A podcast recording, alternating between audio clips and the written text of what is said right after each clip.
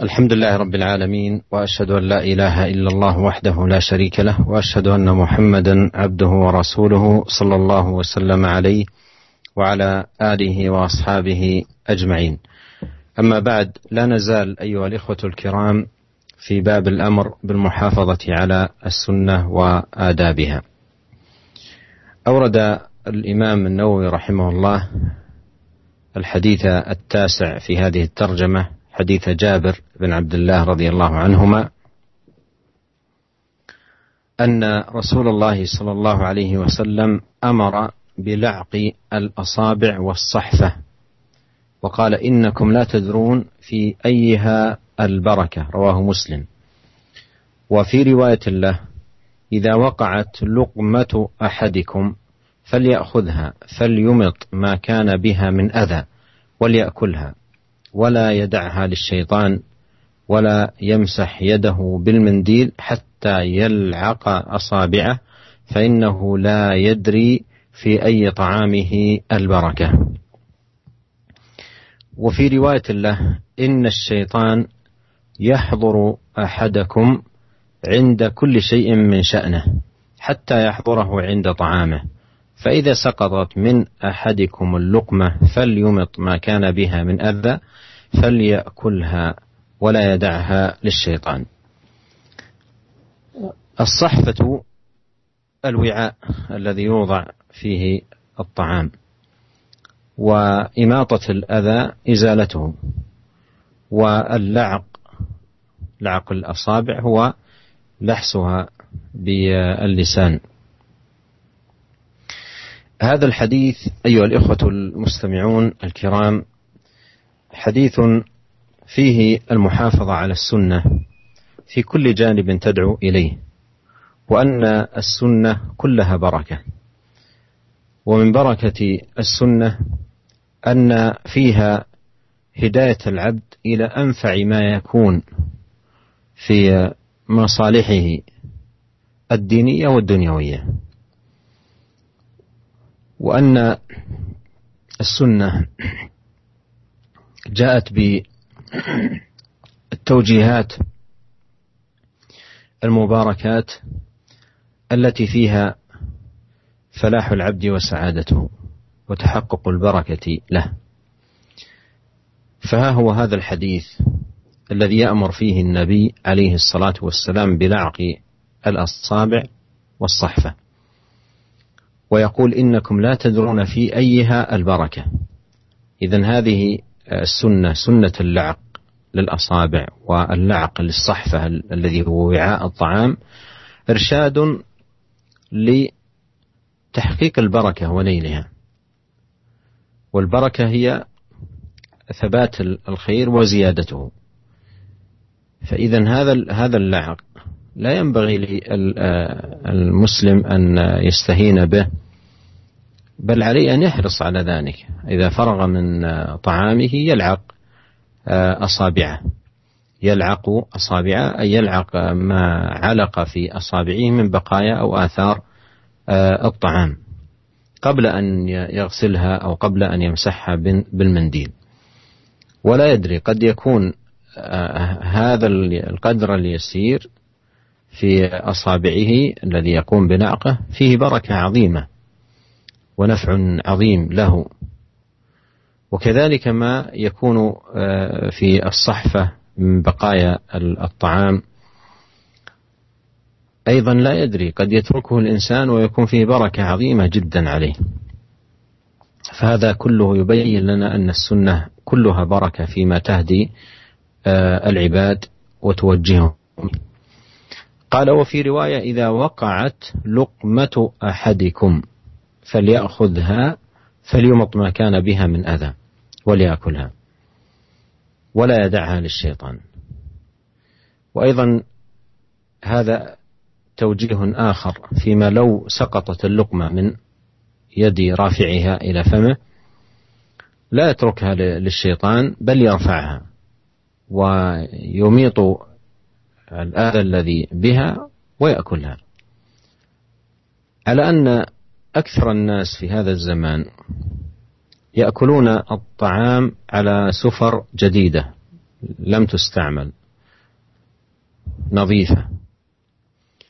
فإذا سقطت اللقمة لا تحتاج أن يماط عنها الأذى لأنها لم يصبها أذى أصلا فهي نظيفة وباقية على نظافتها. لكن مع ذلك فتجد كثير من الناس يفرطون في هذا الأمر ويتركون اللقمة الساقطة بل اللقم الكثيرة المتساقطة آه، على السفرة.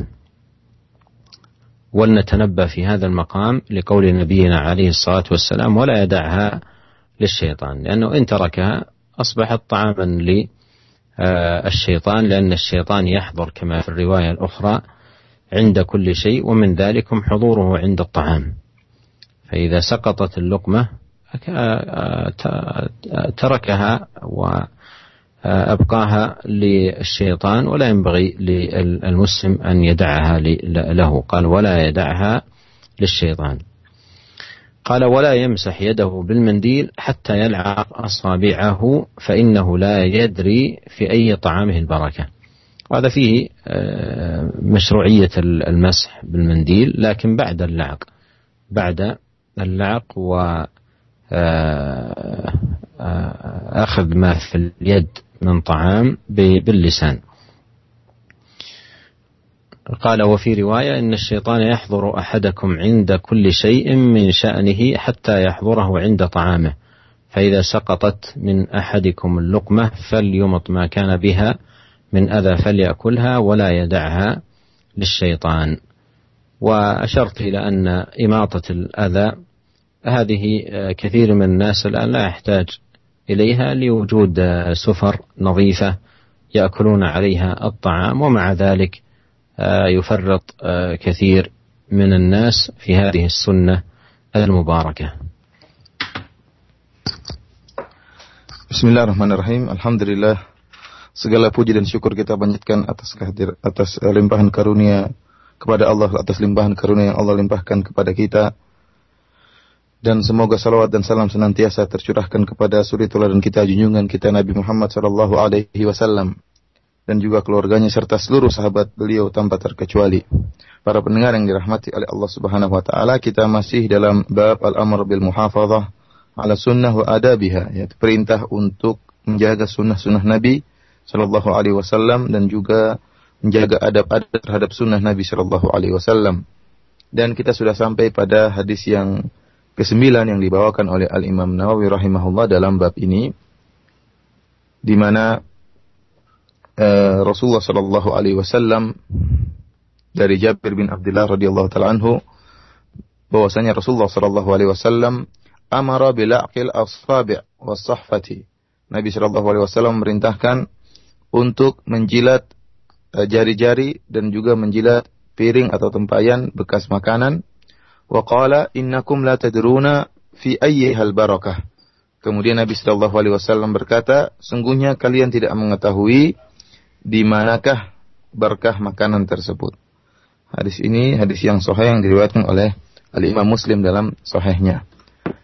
Dalam riwayat yang lain, Nabi Shallallahu Alaihi Wasallam berkata, jika ada uh, makanan yang jatuh dari kalian, falyakhudha falyumit maka nabiha min adzan. Maka ambillah makanan yang jatuh tersebut, kemudian bersihkanlah kotoran yang mengenai makanan tersebut. Wal yakulha, kemudian dia makan makanan tadi yang tadi terjatuh.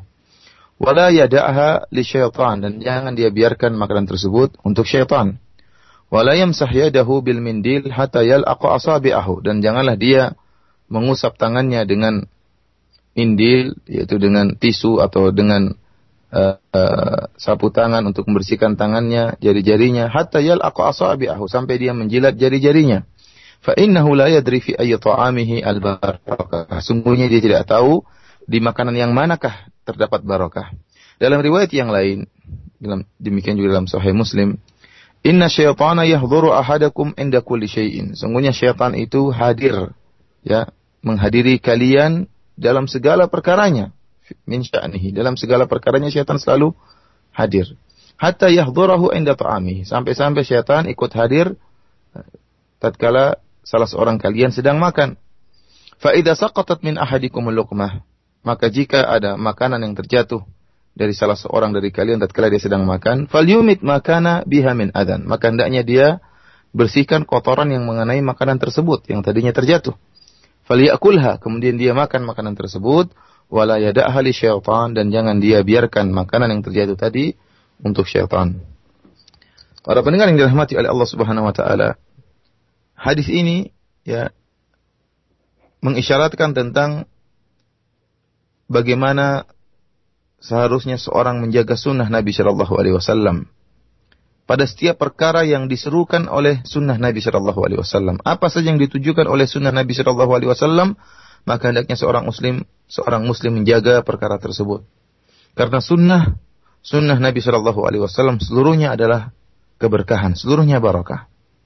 Dan di antara keberkahan sunnah Nabi Shallallahu Alaihi Wasallam yaitu menunjukkan para hamba kepada perkara yang paling bermanfaat bagi mereka. Ya, sunnah menunjukkan kepada seorang hamba apa yang paling bermanfaat baginya. Baik manfaat yang berkaitan dengan dunia maupun manfaat yang berkaitan dengan akhirat. Sunnah Nabi Shallallahu Alaihi Wasallam memberi pengarahan-pengarahan yang penuh dengan keberkahan. Yang jika seorang hamba melaksanakan pengarahan-pengarahan sunnah, maka dia akan peroleh kebahagiaan di dunia maupun di akhirat. Misalnya dalam hadis ini, Nabi Shallallahu Alaihi Wasallam ya mengarahkan agar seorang hamba setelah makan dia menjilat sisa makanan yang terdapat di jari-jarinya atau yang terdapat pada piringnya tempat mak, diletakannya makanan. Dan Nabi Shallallahu Alaihi Wasallam menjelaskan, Innakum la tadruna fi ayyihal barakah. Karena kalian tidak mengetahui di bagian makanan manakah yang Allah beri, berikan keberkahan pada makanan tersebut. Ini pengarahan dari Nabi Shallallahu Alaihi Wasallam agar seorang hamba benar-benar berusaha mencari keberkahan, berusaha mendapatkan keberkahan dan kita tahu namanya keberkahan yang diberikan oleh Allah Subhanahu Wa Taala yaitu sabatul khair wa ziyadatuhu, yaitu tetapnya keberkahan, tetapnya kebaikan dan tambahnya bertambahnya kebaikan tersebut. Kalau sesuatu sudah diberkahi oleh Allah Subhanahu Wa Taala berarti kebaikannya tetap dan bahkan akan bertambah-tambah. Oleh karenanya seorang hamba jangan menyepelekan masalah ini. Jangan dia menyepelekan masalah menjilat sisa makanan yang terdapat di jari-jarinya atau yang terdapat di piringnya. Ya, dia berusaha membersihkan piringnya.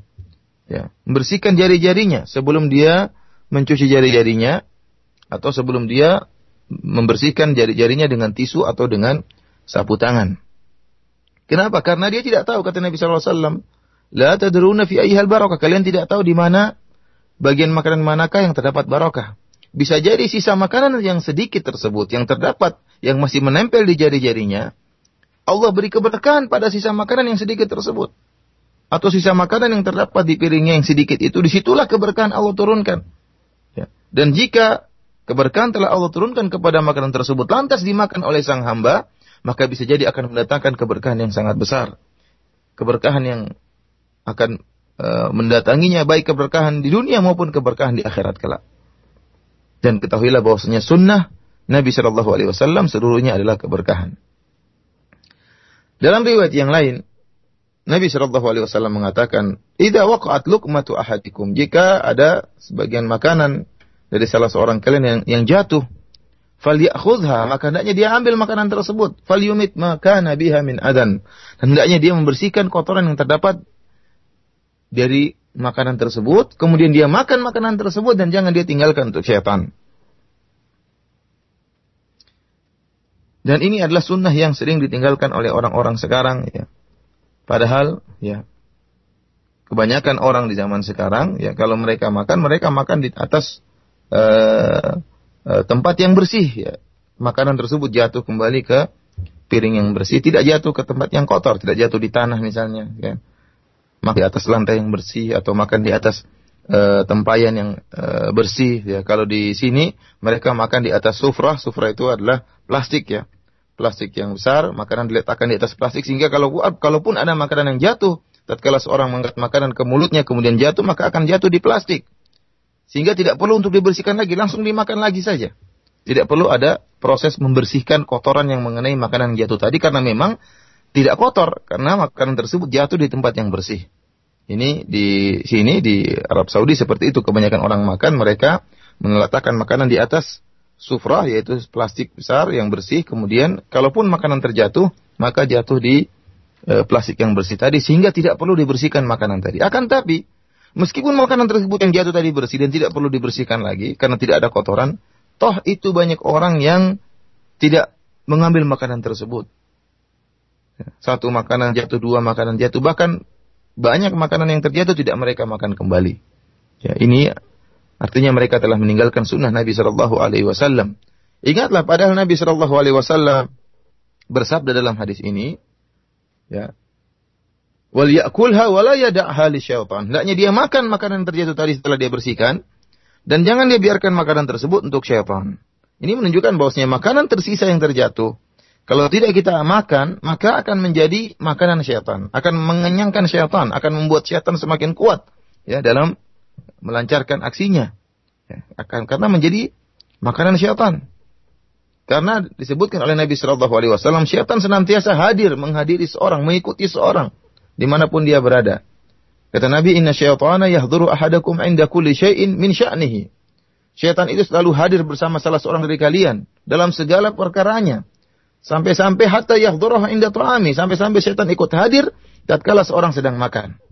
Ya. Setan menanti-nanti kalau ada makanan yang jatuh maka itu merupakan bagian bagian syaitan. Kemudian dalam hadis ini Nabi Shallallahu Alaihi Wasallam mengatakan, "Wala yamsah bil mindil hatta yal'aqu asabi'ahu." Dan janganlah dia membersihkan tangannya setelah makan dengan mindil, dengan tisu atau dengan uh, uh, sapu tangan ya. Hatta yal'aqu asabi'ahu sampai dia menjilat sisa makanan yang ada di jari-jarinya. Ini menunjukkan disyariatkan setelah kita makan untuk mencuci tangan kita atau untuk membersihkan tangan kita dengan tisu atau sapu tangan dan yang semas dan semisalnya akan tapi e, dilakukan setelah kita menjilat makanan yang tersisa yang ada di jari-jari kita.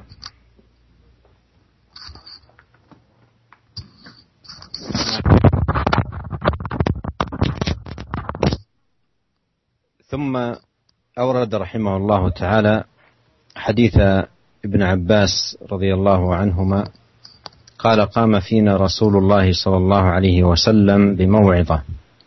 فقال يا أيها الناس إنكم محشورون إلى الله تعالى حفاة عراة غرلا كما بدأنا أول خلق نعيده وعدا علينا إنا كنا فاعلين. ألا وإن أول الخلائق يكسى يوم القيامة إبراهيم صلى الله عليه وسلم. ألا وإنه سيجاء برجال من أمتي فيؤخذ بهم ذات الشمال فأقول يا رب أصحابي فيقال إنك لا تدري ما أحدث بعدك. فأقول كما قال العبد الصالح وكنت عليهم شهيدا ما دمت فيهم إلى قوله العزيز الحكيم. فيقال لي إنهم لم يزالوا مرتدين على أعقابهم منذ فارقتهم. متفق عليه. غرلا أي غير مختونين. أيضا هذا الحديث من الأحاديث التي فيها وجوب المحافظة على السنة والعناية بها والحذر من البدع والمحدثات التي ما أنزل الله تبارك وتعالى بها من سلطان. وأن الواجب على من يمارس البدع ويعرض عن السنن أن أن يحذر أشد الحذر من أن يكون ممن يقال آه، ممن يذادون يوم القيامة عن الحوض ويقال إنك لا تدري ماذا أحدث بعدك. وهذا الحديث حديث ابن عباس رضي الله عنهما فيه أن النبي عليه الصلاة والسلام وعظم هذه الموعظة البليغة وذكرهم بالوقوف بين يدي الله والحشر وأن الناس يحشرون حفاة أي بلا نعال عراة أي بلا ثياب غرلا أي غير مختونين. قال كما بدأنا أول خلق نعيده. وعدا علينا إنا كنا فاعلين. أي أن الإعادة تكون كالحال في أول ما خرج الإنسان من بطن أمه يخرج وهو حافيا وعاريا وأغرل يخرج على هذه الحال فكذلك يبعث كذلك. وأول من يكسى من الخلائق إبراهيم الخليل عليه الصلاة والسلام خليل الرحمن. ثم قال ألا وإنه سيجى برجال من أمتي فيؤخذ بهم ذات الشمال. فأقول يا رب أصحابي. في فيقال إنك لا تدري ماذا, ماذا أو ما أحدث بعدك. يا رب هذه شفاعة. وسؤال من الله سبحانه وتعالى لكن هؤلاء لا ينفعهم ذلك. ولهذا يجاب صلى الله عليه وسلم بإنك لا تدري ما أحدثوا بعدك. وهذا فيه أنه عليه الصلاة والسلام لا يعلم الغيب. بخلاف من يدعي من أهل الخرافة أن النبي صلى الله عليه وسلم حاضر وناظر. يعلم بما يفعله الناس ومطلع على أعمال العباد. وهذا كلام باطل. لا يقوله من عرف الإيمان وعرف التوحيد. قال إنك لا تدري ما أحدثوا بعدك. وقوله ما أحدثوا بعدك في خطورة الحدث في الدين. وأن ذلك من موجبات الذود عن الحوض المورود يوم القيامة. قال عليه الصلاة والسلام فأقول كما قال العبد الصالح وكنت عليهم شهيدا ما دمت فيهم فلما توفيتني كنت أنت الرقيب عليهم وأنت على كل شيء شهيد. إن تعذبهم فإنهم عبادك وإن تغفر لهم فإنك أنت العزيز الحكيم. فيقال لي إنهم لم يزالوا مرتدين على أعقابهم منذ فارقتهم. وهذا يوضح أن هؤلاء الذين يذادون عن الحوض هم من ارتدوا عن الدين. ويدخل في هؤلاء دخولا أوليا أولئك الذين حاربهم أبو بكر الصديق على الردة.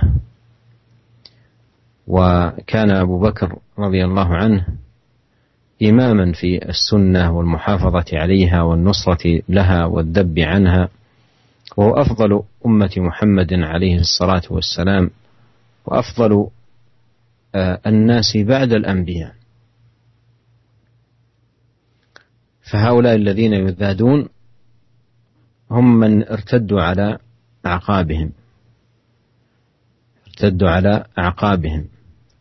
والصحابة رضي الله عنهم قاموا قومة عظيمة في محاربة هؤلاء المرتدين. ثم نشأ فيما بعد أقوام آه، ضلوا عن الحق وضلوا عن سواء السبيل. فحملوا مثل هذا الحديث على الصحابة عياذا بالله. وجعلوا هذا آه، المراد به الصحابة كأبي بكر وعمر وعثمان وعلي. وهذا لا يقوله إلا رجل أظلم قلبه بالضلال والباطل وأظلم عقله ممن انتكس في إيمانه وفي فكره وعقله. وإلا كيف يقول إنسان مثل هذا الكلام؟ في صديق الأمة رضي الله عنه وفي عمر وعثمان وغيرهم من سادات الصحابة وخيار المؤمنين. وهذا الطعن في الصحابة كما أنه طعن فيهم فهو طعن في الدين نفسه لأنهم هم نقلته. وطعن في النبي عليه الصلاة والسلام الذي كان يثني على صحابته في أحاديث كثيرة جدا. بل وفي القرآن الذي فيه آيات كثيرة جدا في الثناء على الصحابة. بل لم يذكر في القرآن بوصف الصحبة إلا أبي بكر رضي الله إذ يقول لصاحبه لا تحزن إن الله معنا. وعلى كل فهذا حديث عظيم مبارك في بيان أهمية السنة والمحافظة عليها والحذر من البدع والضلالات أعاذنا الله عز وجل جميعا منها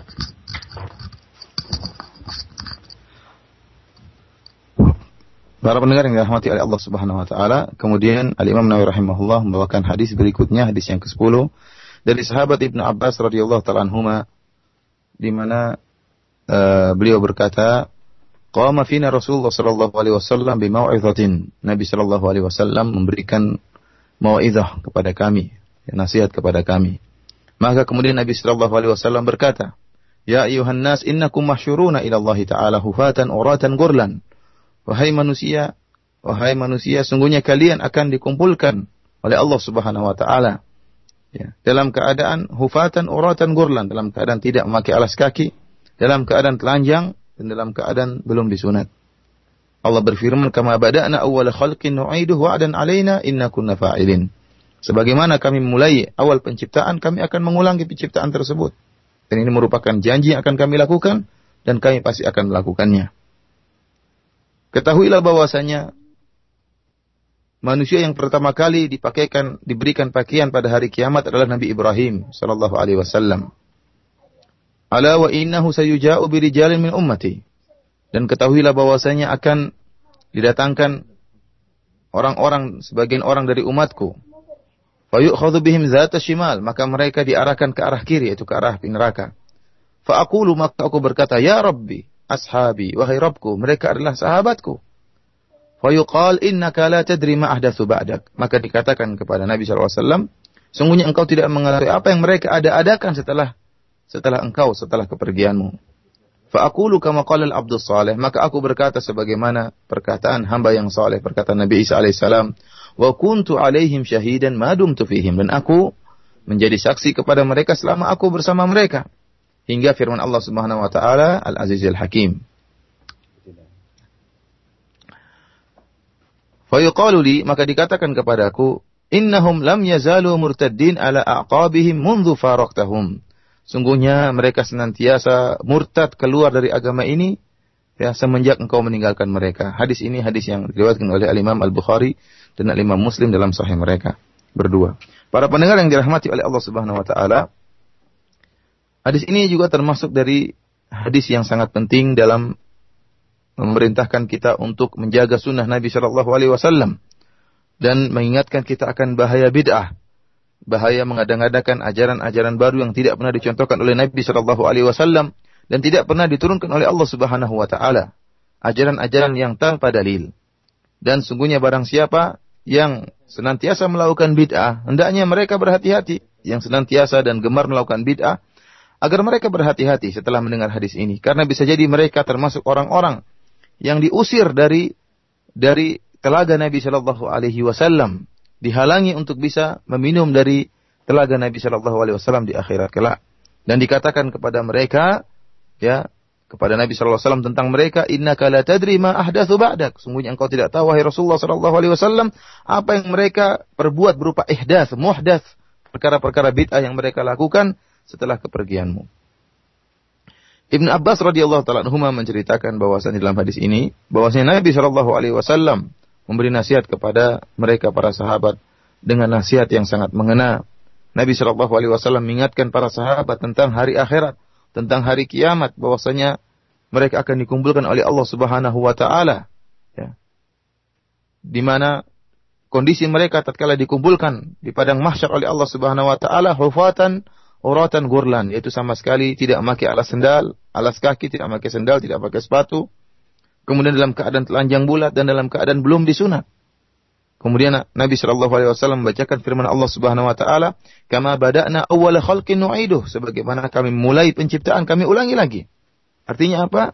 Sebagaimana kami Allah Subhanahu Wa Taala tatkala mengeluarkan seorang manusia dari perut ibunya dalam keadaan tidak memakai alas kaki dalam keadaan telanjang dalam keadaan belum disunat maka demikianlah Allah Subhanahu wa taala akan bangkitkan mereka sebagaimana kondisi mereka tatkala mereka baru dilahirkan orang-orang akan dibangkitkan dari kuburan mereka dalam keadaan tidak memakai alas kaki dalam keadaan telanjang bulat dan keadaan dalam keadaan belum disunat kemudian Nabi Shallallahu alaihi wasallam menjelaskan bahwasanya di antara makhluk manusia yang setelah dibangkitkan yang pertama kali diberikan pakaian kepada mereka adalah Nabi Ibrahim alaihissalam.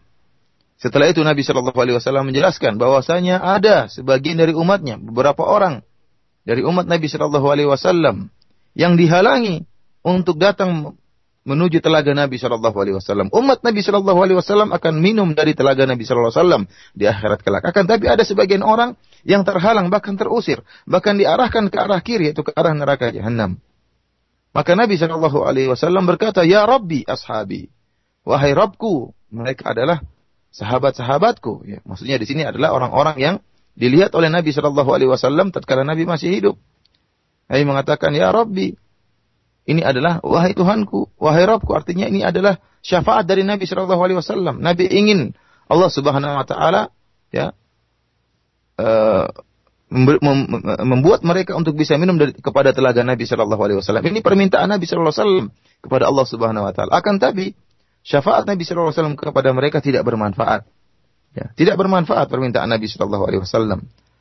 Ya, bahkan Allah Subhanahu Wa Taala menjelaskan kepada Nabi, Inna kala tadri ma ahdathu ba'dak. Sungguhnya engkau yang Muhammad, engkau tidak tahu apa yang mereka ada adakan setelah kepergianmu. Ya. Ini menunjukkan bahwasanya Nabi Shallallahu Alaihi Wasallam tidak mengetahui hal gaib, tidak mengetahui perkara masa depan. Nabi SAW tidak mengetahui apa yang dilakukan umatnya setelah wafatnya Nabi Shallallahu Alaihi Wasallam. Nabi SAW tidak mengetahui bid'ah-bid'ah yang mereka ada-adakan setelah wafatnya Nabi Shallallahu Alaihi Wasallam. Berbeda dengan perkataan sebagian orang-orang yang ahli khurafat yang mengatakan bahwasanya Nabi Shallallahu Alaihi Wasallam masih hidup sekarang. Ya, Nabi Shallallahu Alaihi Wasallam melihat bagaimana kondisi umatnya. Nabi Shallallahu Alaihi Wasallam mengetahui bagaimana kondisi senantiasa mengawasi umatnya. Ini perkataan yang batil, perkataan yang ngawur, yang tidak mungkin diucapkan oleh orang yang mengetahui tauhid. Ya. Nabi Shallallahu Alaihi Wasallam tidak mengetahui apa yang dilakukan umatnya setelah wafatnya Nabi Shallallahu Alaihi Wasallam. Oleh karenanya Nabi Shallallahu Alaihi Wasallam mengatakan, Faakulu kama qala al-abdus saleh. Maka aku berkata sebagaimana perkataan hamba yang soleh yaitu perkataan Nabi Isa alaihissalam, "Ma qultu lahum uh, kata ya wa kuntu alaihim syahidan ma dumtu fihim." Kata Nabi Isa alaihissalam kepada Allah Subhanahu wa taala tentang umatnya, Kata Nabi Isa alaihissalam dan aku menjadi saksi kepada mereka sementara aku selama aku bersama mereka. Falamma tawaffaitani kunta antar raqiba alaihim. Adapun tatkala engkau mewafatkan aku wahai Allah Subhanahu wa taala, maka engkaulah yang mengawasi mereka. Wa anta ala kulli syai'in syahid dan engkau maha menyaksikan segala sesuatu. In tu'adzibuhum fa innahum ibaduk. Jika engkau mengadab mereka, maka sungguhnya mereka adalah hamba-hambamu. Wa in taghfir lahum fa innaka antal azizul hakim. Dan jika engkau mengampuni mereka, maka sungguhnya engkau adalah zat yang maha perkasa lagi maha bijaksana. Perhatikanlah para pendengar yang dirahmati oleh Allah Subhanahu wa taala. Dikatakan kepada Nabi sallallahu alaihi wasallam, "Innaka la tadri ma ahdatsu ba'dak." Sungguhnya engkau tidak mengetahui apa yang mereka ada-adakan setelah kepergianmu. Ini menunjukkan akan bahayanya bid'ah. Bahaya bid'ah dalam agama. Ya, barang siapa mengadakan ajaran-ajaran baru yang tidak pernah diajarkan oleh Nabi Shallallahu Alaihi Wasallam, maka pada hari kiamat kelak dia akan dihalangi untuk minum dari telaga Nabi Shallallahu Alaihi Wasallam. Oleh karenanya, setelah wafatnya Nabi Shallallahu Alaihi Wasallam, sebagian orang-orang kemudian murtad dan mereka inilah yang pertama kali masuk dalam hadis ini yang disyaratkan oleh Nabi Shallallahu Alaihi Wasallam. Bahkan akan ada dari umatnya yang murtad, yang mereka muslim, masuk Islam di zaman Nabi Shallallahu Alaihi Wasallam, ya Kemudian mereka akhirnya murtad menampakkan kekufuran mereka setelah wafatnya Nabi Shallallahu Alaihi Wasallam. Mereka itulah yang pertama kali diperangi oleh Abu Bakar radhiyallahu taala anhu, Abu Bakar As-Siddiq. Ya, tatkala setelah wafatnya Nabi Shallallahu Alaihi Wasallam, maka yang memegang tampuk kepemimpinan adalah Abu Bakar radhiyallahu taala anhu dan dia adalah imam pemimpin dalam sunnah Nabi Shallallahu Alaihi Wasallam dan dialah orang yang membela sunnah Nabi Shallallahu Alaihi Wasallam dan dialah Abu Bakar radhiyallahu taala anhu adalah umat yang terbaik orang yang terbaik dari umat ini dan dia adalah orang yang terbaik setelah para nabi. Oleh karenanya Abu Bakar radhiyallahu taala anhu merangi orang-orang yang murtad di zaman beliau radhiyallahu taala anhu dan didukung oleh para sahabat. Mereka benar-benar mendukung Abu Bakar dalam merangi orang-orang yang murtad di zaman Abu Bakar radhiyallahu taala anhu. Setelah itu, setelah zaman-zaman berikutnya maka muncullah suatu kaum ya, yang mereka membawa hadis ini untuk mencela para sahabat. Kata mereka yang murtad adalah para sahabat. Yang dimaksud dalam hadis ini kata Allah Subhanahu wa taala sungguhnya engkau tidak mengetahui apa yang mereka ada-adakan. Mereka murtad setelah kepergian wahai Rasulullah, yaitu para sahabat. Seperti siapa? Kata mereka Abu Bakar. Abu Bakar yang murtad, Umar yang murtad. Utsman yang murtad. Ya. Para sahabat yang mulia mereka seluruhnya murtad. Ini kata sebagian kaum, kaum yang sesat. Tentunya tidak ada yang mengatakan demikian, mengatakan seperti ini kecuali seorang yang sudah menghitamkan hatinya dengan kesesatan dan kebatilan yang telah merusak akalnya. Ya. Bagaimana dia bisa mengatakan demikian bahwasanya para sahabat seperti Abu Bakar murtad, Umar murtad, Utsman murtad. Padahal Abu Bakar lah yang memerangi orang-orang yang murtad. Abu Bakar bersama Umar dan bersama para sahabat mereka lah yang memerangi orang-orang yang murtad yang menyimpang dari sunnah Nabi Shallallahu Alaihi Wasallam. Justru mereka dikatakan murtad. Ini aneh. Ini memaksakan hadis ya dalam rangka untuk mencela para para sahabat. Padahal kita tahu barang siapa yang mencela para sahabat yang telah dipuji oleh Allah Subhanahu wa taala, direkomendasi oleh Allah Subhanahu wa taala dalam Al-Qur'an dan telah dipuji oleh Nabi sallallahu alaihi wasallam dalam banyak sunnah-sunnah Nabi sallallahu alaihi wasallam. Bahkan Nabi sallallahu alaihi wasallam telah menjamin para sahabat tersebut, sebagian para sahabat masuk surga. Ya. Kemudian mereka tetap mencela para sahabat, mengkafirkan para sahabat, mengatakan para sahabat telah murtad. Sungguhnya mereka telah mencela agama ini. Kenapa? Karena agama ini yang bawa siapa? Para sahabat. Siapa yang menyebarkan agama ini setelah wafatnya Rasulullah SAW para sahabat? Siapa yang meriwayatkan hadis-hadis Nabi Sallallahu Alaihi Wasallam setelah wafatnya Nabi? Para sahabat radhiyallahu taala anhum. Oleh karena barang saya mencela para sahabat, maka mereka telah mencela agama ini. Bahkan mereka juga berarti telah mencela Nabi Shallallahu Alaihi Wasallam karena Nabi telah mendidik mereka, Nabi SAW telah merekomendasi mereka, Nabi telah memuji mereka dalam banyak hadis. Kemudian ternyata para sahabat dikafirkan menunjukkan celaan terhadap Nabi. Nabi tidak berhasil dalam mendidik mereka. Ya. Pujian Nabi SAW hanyalah omong kosong karena para sahabat seluruhnya kafir setelah itu. Kemudian juga mencela para sahabat berarti mencela Al-Quran karena Allah Subhanahu Wa Taala telah menurunkan ayat-ayat yang memuji para sahabat yang akan dibaca ayat ini sampai hari kiamat ayat-ayat yang menjadi suri teladan dan untuk dicontohi oleh umat Muhammad SAW sampai hari kiamat ternyata ayat-ayat tersebut omong kosong saja. Ayat-ayat yang muji para sahabat ternyata omong kosong karena para sahabat murtad seluruhnya. Hanya segelintir orang, empat, lima orang, enam orang yang hanya yang tidak murtad. Ini menunjukkan bahwasanya mencela para sahabat, mengkafirkan para sahabat merupakan bentuk celaan terhadap Al-Quranul Karim.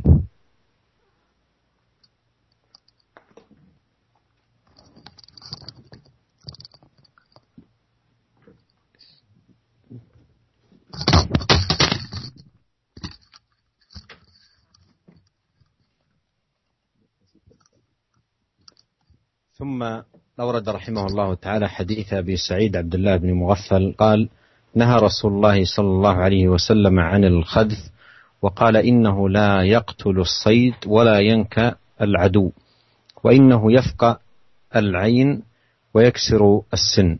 متفق عليه. وفي رواية أن قريبا لابن مغفل خذف فنهاه وقال إن رسول الله صلى الله عليه وسلم نهى عن الخذف وقال إنها لا تصيد صيدا. ثم عاد فقال أحدثك أن رسول الله صلى الله عليه وسلم نهى آه، عنه ثم عدت تخذف لا أكلمك أبدا. وهذا تعظيم الصحابة للسنة والتزامهم بها وحثهم عليها وأن الواجب على العبد أن يلتزم آه، السنة محافظة عليها حتى وإن لم يظهر له الحكمة. حتى وإن لم تظهر الحكمة له فإن الواجب عليه أن يعمل بالسنة لأن السنة كلها آه، لأن السنة كلها حكمة. فإذا خفيت على الإنسان لا يترك السنة لخفاء الحكمة آه، عليه بل يجب عليه آه، أن يعمل بذلك.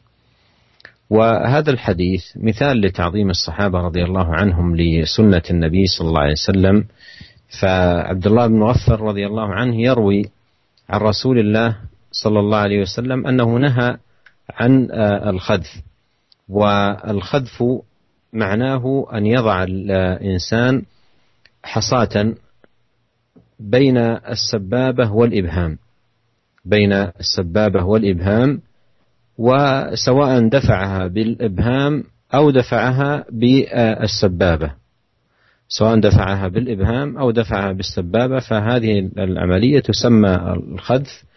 فالحصاة التي تستعمل في الخذف هي حصاة صغيرة ومن شأنها كما قال عليه الصلاة والسلام لا تقتل الصيد ولا تنكأ العدو لكن تفقع العين وتكسر السن. فهي مضرتها راجحة ومنفعتها ليس لها منفعة أو مضرتها متحققة وليس لها منفعة. فنهى النبي صلى الله عليه وسلم عن ذلك. وفي رواية أن الصحابي بين هذا الحكم لقريب له رآه يخذف ف وبين له كلام النبي صلى الله عليه وسلم. ثم رآه عاد مرة ثانية فقال له لا أكلمك أبدا لأنه تبينت له السنة وذكر له الدليل فلم يعمل به. فقال لا أكلمك أبدا وهذا في تعظيم الصحابة رضي الله عنهم وأرضاهم للسنة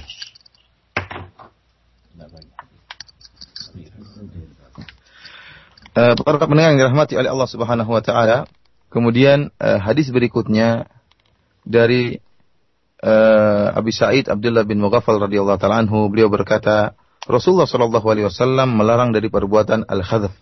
Al-khadhf yaitu uh, semacam meletakkan batu di antara jari telunjuk dengan ibu jari kemudian dilemparkan batu tersebut baik dengan mendorongnya dengan ibu jari ataupun dengan uh, jari telunjuknya semacam mengutik ya. Ya, uh, seperti uh, mengutik maka Nabi sallallahu alaihi wasallam mengatakan innahu la yaqtalus saida sungguhnya wala yanqul adu Sungguhnya perbuatan seperti ini ya dengan meletakkan batu kemudian dikutik dengan jari telunjuk atau dengan ibu jari tidaklah membunuh uh, hewan buruan dan juga tidak akan membunuh musuh. Akan tapi perbuatan ini hanyalah yakfa'u al-ain hanya merusak uh, mata, membutakan mata atau hanya uh, me, uh, mematahkan gigi. Hadis ini diriwayatkan oleh Imam Bukhari dan Imam Muslim. Dalam riwayat yang lain, ada salah seorang kerabat dari Abdullah bin Mughaffal radhiyallahu anhu melakukan perbuatan tersebut, mengutik batu tersebut. Maka orang kerabat ini dilarang oleh Abdullah bin Mughaffal. Dan Abdullah bin Mughaffal radhiyallahu anhu mengingatkan bahwasanya Rasulullah SAW telah melarang perbuatan tersebut. Dan Nabi SAW telah menjelaskan, sungguhnya perbuatan ini tidak bisa uh, menangkap hewan buruan, tidak bisa mematikan hewan buruan ya hanya melukai dan mencelakakan hewan buruan akan tapi tidak mematikan hewan buruan. Akan tapi kerabatnya ini kembali melakukannya setelah diperingatkan oleh Abdullah bin Mughaffal.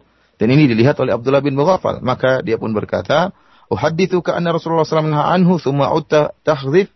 Sungguh aku telah menyampaikan sebuah hadis dari Rasulullah SAW bahwasanya Nabi melarang perbuatan tersebut. Lantas engkau kembali melakukannya. La ukallimuka abada. Aku tidak akan berbicara dengan engkau selamanya. Hadis ini uh, menunjukkan pengagungan para sahabat terhadap sunnah Nabi Shallallahu Alaihi Wasallam dan uh, anjuran untuk bisa berpegang teguh dengan sunnah Nabi Shallallahu Alaihi Wasallam. Seorang hendaknya berpegang teguh dengan sunnah Nabi Shallallahu Alaihi Wasallam meskipun tidak nampak hikmahnya. Apa hikmah dari sunnah ini? Ya, karena sunnah seluruhnya hikmah. Ya, jika seorang tidak tahu hikmah dari sebuah sunnah, maka dan dia sudah tahu pasti bahwasanya sunnah tersebut dari Nabi SAW, maka hendaknya dia melakukannya meskipun tidak tahu apa hikmah di balik tersebut, di balik sunnah tersebut. Apalagi jika telah diketahui hikmah dari sunnah tersebut, tentunya dia harus lebih tunduk. Lihatlah dalam hadis ini sebagai merupakan contoh dari pegangungan para sahabat terhadap sunnah Nabi Shallallahu Alaihi Wasallam. Abdullah bin Mughaffal menjelaskan tentang larangan Nabi Shallallahu Alaihi Wasallam untuk melakukan hadaf, yaitu mengutik, ya, mengutik batu. Dan ini Kenapa dijelaskan oleh Nabi SAW? Ada hikmah di balik ini karena perbuatan tersebut tidak bisa menyebabkan seorang bisa mendapatkan hewan buruan. Hewan buruan tersebut mungkin terkena batu tadi, kemudian terluka, kemudian lari, masih tidak tidak mati. Ya. Oleh karenanya e, kemudaratannya jelas, hanya melukai hewan, menyakiti hewan dan tidak menjadikan dia hewan buruan tidak bisa ditangkap. Ya. Adapun manfaatnya tidak jelas. Oleh karena dilarang oleh Nabi Shallallahu Alaihi Wasallam. Akan tapi dalam hadis diriwayatkan bahwasanya Abdullah bin Mughaffal ya bertemu dengan uh, seorang kerabatnya yang melakukan hal tersebut. Kemudian ditegur oleh Abdullah bin Mughaffal radhiyallahu taala anhu dan menjelaskan sunnah Nabi menerangkan hal ini. Kemudian kerabatnya ini melakukannya untuk kedua kalinya. Akhirnya ditegur. Uh, Abdullah bin Mughaffal pun menegur dengan keras dan mengatakan, "Aku sudah menyampaikan kepada engkau hadis dari Rasulullah melarang akan perbuatan ini. Akan tapi engkau kembali melakukannya, maka aku tidak akan berbicara dengan engkau selamanya. Yang ini menunjukkan bagaimana penganggungan para sahabat terhadap sunnah Nabi Shallallahu Alaihi Wasallam. ثم ختم الإمام النووي رحمه الله هذا الباب بهذا الحديث عن عابس بن ربيعة قال رأيت عمر بن الخطاب رضي الله عنه يقبل الحجر يعني الأسود ويقول إني أعلم أنك حجر ما تنفع ولا تضر ولولا أني رأيت رسول الله صلى الله عليه وسلم يقبلك ما قبلتك متفق عليه. وهذا الحديث الذي ختم به رحمه الله في كمال التعبد بالانقياد سواء عرف العبد الحكمة في هذا العمل أو لم يعرفها فإن الواجب عليه أن يتبع السنة وأن يلتزم بهدي النبي الكريم عليه الصلاة والسلام وألا يفعل أيضا الأعمال التي لا تشرع ولا دليل عليها من هديه صلى الله عليه وسلم. نسأل الله أن يوفقنا جميعا للمحافظة على السنة والعمل بها والتأدب بآدابها. إنه سميع قريب مجيب. والله تعالى أعلم. وصلى الله وسلم على عبده ورسوله نبينا محمد وآله وصحبه أجمعين. والسلام عليكم ورحمة الله وبركاته. السلام ورحمة الله وبركاته. Uh, kemudian Al Imam Nawawi rahimahullah membawakan hadis yang terakhir ya hadis penutup dari bab ini di mana uh, dari Ab Abis bin Rabi'ah dia berkata aku melihat Umar bin Khattab radhiyallahu taala anhu mencium Hajar Aswad. Kemudian Umar bin Khattab radhiyallahu taala setelah mencium Hajar Aswad beliau berkata Inni a'lamu annaka hajar la ma tanfa' wa la tadur. Sungguhnya aku mengetahui engkau wa engkau hajar aswad hanyalah sebuah batu tidak bisa memberi manfaat dan tidak bisa memberi kemudaratan. Walaula anni ra'aitu Rasulullah sallallahu alaihi wasallam yuqabbiluka ma qabbaltuka. Kalau bukan aku pernah melihat Nabi mencium engkau, maka aku tidak bakalan mencium engkau. Hadis ini hadis muttafaqun alaih diriwayatkan Imam Bukhari dan Imam Muslim dalam sahih mereka. Uh, para pendengar yang dirahmati oleh Allah Subhanahu wa taala, hadis terakhir dalam bab ini ya menunjukkan tentang kesempurnaan seorang tunduk kepada sunnah Nabi Shallallahu alaihi wasallam. Apakah dia mengetahui hikmahnya atau tidak? Mencium Hajar Aswad, ya. Umar bin Khattab menjelaskan, "Saya tidak bakalan mencium kau wahai Hajar Aswad kecuali karena saya pernah melihat Nabi Shallallahu alaihi wasallam mencium engkau. Tidak ada manfaat dan tidak ada mudarat, hanya sekedar karena saya pernah melihat Nabi Shallallahu alaihi wasallam mencium engkau." Jika sudah jelas sunnah Nabi Shallallahu alaihi wasallam, kita tahu uh, kita mengetahui hikmahnya atau tidak, maka hendaknya kita men, e, mengikuti sunnah Nabi Shallallahu Alaihi Wasallam. Dan dalam hadis ini juga peringatan tentang bahwasanya seorang jangan melakukan perbuatan-perbuatan yang tidak disyariatkan, ya. Tapi hendaknya seorang melakukan perbuatan-perbuatan sunnah-sunnah yang disyariatkan oleh Rasulullah Shallallahu Alaihi Wasallam. Demikianlah para pendengar yang dirahmati oleh Allah Subhanahu Wa Taala. Akhir dari kajian bab tentang perintah untuk berpegang teguh dengan sunnah Nabi Shallallahu Alaihi Wasallam dan menjaga adab-adab terhadap sunnah Nabi Shallallahu Alaihi Wasallam. Semoga Allah Subhanahu Wa Taala senantiasa memberikan taufiknya kepada kita untuk bisa berpegang teguh dengan sunnah Nabi Shallallahu Alaihi Wasallam dan mengagungkan sunnah dan beradab dengan sunnah Nabi Shallallahu Alaihi Wasallam. Wabillahi taufiq wal hidayah. Assalamualaikum warahmatullahi wabarakatuh.